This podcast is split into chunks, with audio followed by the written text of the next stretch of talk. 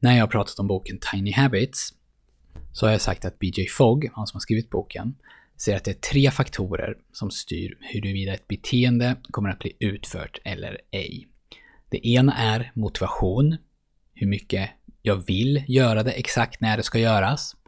Det andra är förmåga, hur lätt eller hur svårt är det för mig att göra det här exakt när det ska göras.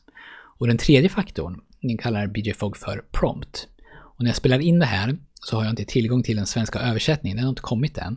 Så jag vet inte hur prompt kommer att översättas, men när jag har pratat om det här tidigare i poddar och annat, jag har ofta använt ordet trigger. Och vad prompt eller trigger är för någonting, det är det som sätter igång beteendet. För trots att vi kanske inte alltid tänker i de banorna, så finns det alltid någonting som sätter igång ett visst beteende. Och det här kan vara en tanke, det kan vara en känsla, och det kan vara någonting vi ser eller någonting vi hör.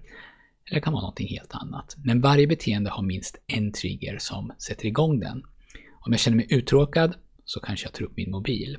Då är känslan av att vara uttråkad en av de triggers som sätter igång beteendet att plocka upp min mobil. Om alarmet ringer på morgonen så kliver jag upp ur sängen. Alarmet är då den trigger som gör att jag kliver upp. Så om du vill skapa en vana, ett önskat beteende, så förenklar du för dig själv om du bestämmer en trigger. Du bestämmer alltså vad det är som ska sätta igång det här nya önskade beteendet.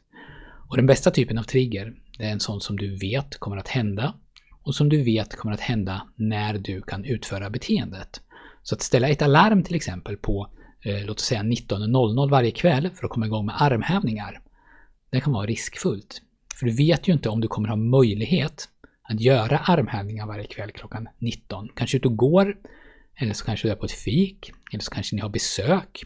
Så ett av problemen med en sån här trigger, det är att du inte alltid vet var du kommer vara och om det önskade beteendet är praktiskt möjligt att utföra när triggern sätter in.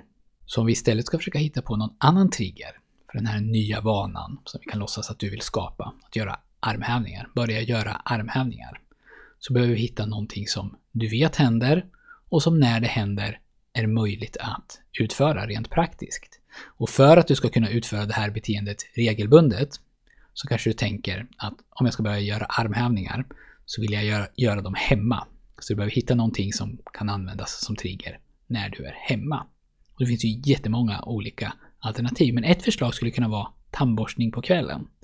Du vet att du borstar tänderna varje kväll och chansen är nog stor att du efter tandborstningen kan rent praktiskt utföra ditt beteende. Det finns inte så många hinder där.